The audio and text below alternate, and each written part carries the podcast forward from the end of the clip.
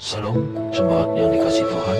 Hari ini kita kembali lagi mengikuti refleksi Gema Sebelum kita memulai mari kita bersama-sama membaca Alkitab sesuai teks dalam Gema Dan membaca Gema hari ini. Tuhan memberkati.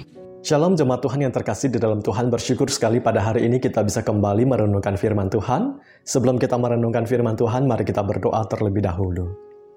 Bapa di surga kami mengucap syukur untuk kebaikanmu kepada kami kami bersyukur karena Engkau selalu menolong kami sampai hari ini. Kami bersyukur untuk waktu yang Engkau berikan bagi kami hari ini untuk merenungkan firman-Mu. Kami berdoa Engkau memberkati kami, membuat kami mengerti firman-Mu, mengenal Engkau lebih baik, mengenal diri kami lebih baik, dan berikan kami kekuatan untuk bisa mengaplikasikan firman Tuhan di dalam hidup kami. Dalam nama Tuhan Yesus, kami berdoa. Amin. Renungan kita pada hari ini diambil dari kitab Roma pasal yang ke-11 ayat 33 sampai 36. Saya akan membacakannya bagi kita semuanya. Oh alangkah dalamnya kekayaan, hikmat dan pengetahuan Allah. Sungguh tak terselidiki keputusan-keputusannya dan sungguh tak terselami jalan-jalannya. Sebab siapakah yang mengetahui pikiran Tuhan atau siapakah yang pernah menjadi penasihatnya atau siapakah yang pernah memberikan sesuatu kepadanya sehingga ia harus menggantikannya. Sebab segala sesuatu adalah dari dia dan oleh dia dan kepada dia. Bagi dialah kemuliaan sampai selama-lamanya. Amin. Paulus memberikan pertanyaan retorika, yaitu pertanyaan yang diajukan kepada orang lain dan orang lain tidak perlu menjawabnya sebab orang lain itu sudah tahu apa jawabannya. Misalnya Paulus bertanya begini, siapakah yang mengetahui pikiran Tuhan? Atau siapakah yang pernah menjadi penasihatnya? Jawabannya adalah tidak ada. Atau siapakah yang pernah memberikan sesuatu kepadanya sehingga ia harus menggantikannya? Jawabannya adalah tidak ada. Mengapa Paulus mengajukan pertanyaan retorika? Mengapa Paulus mengatakan bahwa kekayaan, hikmat, dan pengetahuan Allah itu sangat dalam. Mengapa Paulus berkata bahwa keputusan-keputusannya itu tidak terselidiki dan jalan-jalannya itu tidak terselami? Karena ada orang-orang yang sombong. Di ayat 25 Paulus berkata begini, Sebab saudara-saudara, supaya kamu jangan menganggap dirimu pandai, aku mau agar kamu mengetahui rahasia ini, seterusnya dan seterusnya. Pelajaran kita dimulai dari ayat 25 dengan memusatkan perhatian pada pikiran orang-orang yang sombong dan berakhir dengan Paulus yang tersungkur di hadapan Allah dalam pujian. Kita perhatikan di ayat 33 ini diakhiri dengan tanda seru. Kemudian ayat 34 dan 35 diakhiri dengan tanda tanya. Dan ayat 36 diakhiri dengan tanda seru lagi. Tanda seru ini adalah pernyataan-pernyataan atau statement tentang diri Tuhan. Sedangkan tanda tanya adalah membandingkan Tuhan dengan manusia.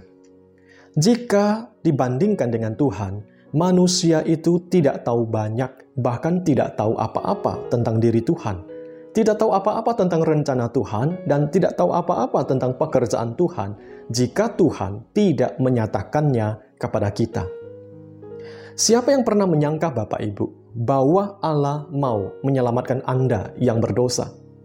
Siapa yang pernah menyangka bahwa Allah mengampuni dan menghapus dosa Anda bukan berdasarkan kebaikan Anda, tetapi berdasarkan belas kasihannya, berdasarkan anugerahnya. Siapa yang pernah menyangka bahwa Allah menyelamatkan Anda bukan dengan cara lain, tetapi dengan cara menyerahkan Yesus Kristus untuk mati di kayu salib bagi Anda. Apa yang kita pelajari dari perikop firman Tuhan hari ini? Yang pertama, sebagai manusia kita tidak boleh sombong, menganggap diri sudah tahu semuanya, bahkan sudah tahu banyak tentang Tuhan. Ketika kita menyadari kedalaman hikmat Tuhan, kita mulai memahami betapa sedikit yang kita ketahui. Oleh karena itu, kita harus rendah hati di hadapan Tuhan. Yang kedua, pengetahuan kita tentang Tuhan yang begitu mulia harus membuat kita bertekuk lutut menyembah Dia.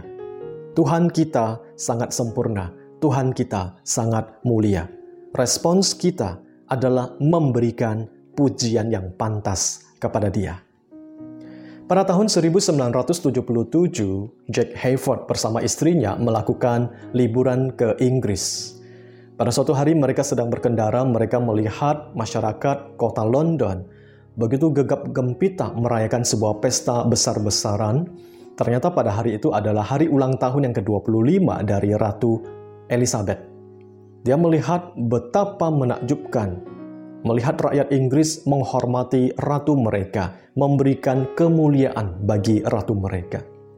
Dia teringat dengan Tuhan Yesus yang adalah raja atas segala raja. Kalau manusia bisa menghormati dan memuliakan ratu mereka, apalagi manusia terhadap Tuhan Yesus yang adalah raja di atas segala raja. Maka dia mengarang sebuah lagu yang terkenal sampai hari ini. Lagu itu berjudul Majesty atau Mulia. Kita semua kenal lagu ini. Bapak Ibu sekalian, di dalam Wahyu pasal yang keempat ayat 9 sampai 11 berbunyi demikian.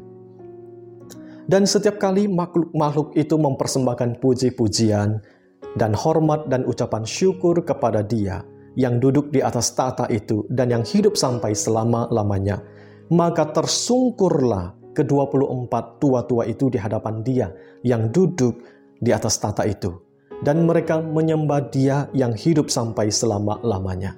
Dan mereka melemparkan mahkotanya di hadapan tata itu sambil berkata, Ya Tuhan dan Allah kami, Engkau layak menerima puji-pujian dan hormat dan kuasa, sebab Engkau telah menciptakan segala sesuatu, dan oleh karena kehendakmu semuanya itu ada dan diciptakan. Bayangkan Bapak Ibu sekalian seandainya Bapak Ibu memiliki mahkota di atas kepala Anda. Pada waktu mendengar puji-pujian ditujukan kepada Raja di atas segala Raja, yaitu Tuhan Yesus kita, apakah Anda juga akan turut melemparkan mahkota Anda di bawah kaki Tuhan Yesus. Bagaimana sikap Anda pada waktu Anda beribadah kepada Tuhan? Apakah Anda serius melakukannya atau Anda bermain-main pada saat ibadah? Apakah selama ini setiap kali Anda bernyanyi pada waktu ibadah, Anda sungguh-sungguh menaikkan pujian kepada Tuhan? Apakah Anda mengimani dengan apa yang Anda nyanyikan kepada Tuhan pada waktu ibadah? Soli Deo Gloria. Mari kita berdoa. Bapa di surga, terpujilah Engkau, Engkau layak ditinggikan, Engkau layak dimuliakan. Kami juga ingin memuliakan Tuhan kami, Yesus Kristus, yang adalah Raja di atas segala Raja, yang adalah Juru Selamat kami yang hidup, yang telah menebus kami, yang telah menyelamatkan kami, yang telah mengasihi kami. Kami berdoa untuk segala makhluk hidup di muka bumi ini. Biarlah semua lutut bertekuk lutut di hadapan Tuhan, menyembah Yesus, mengaku Yesus adalah Raja mereka dan Tuhan mereka. Bapa di surga, tumbuhkanlah iman kami, berkatilah kami, bekerjalah di dalam dan melalui kami, supaya kami bisa menjadi saksimu di tengah-tengah dunia ini. Kami menyimpan firman-Mu di dalam hati kami, roh kudus membuat hidup kami berbuah. Di dalam nama Tuhan Yesus, kami berdoa, kami bersyukur. Haleluya. Amin. Tuhan Yesus memberkati kita semuanya.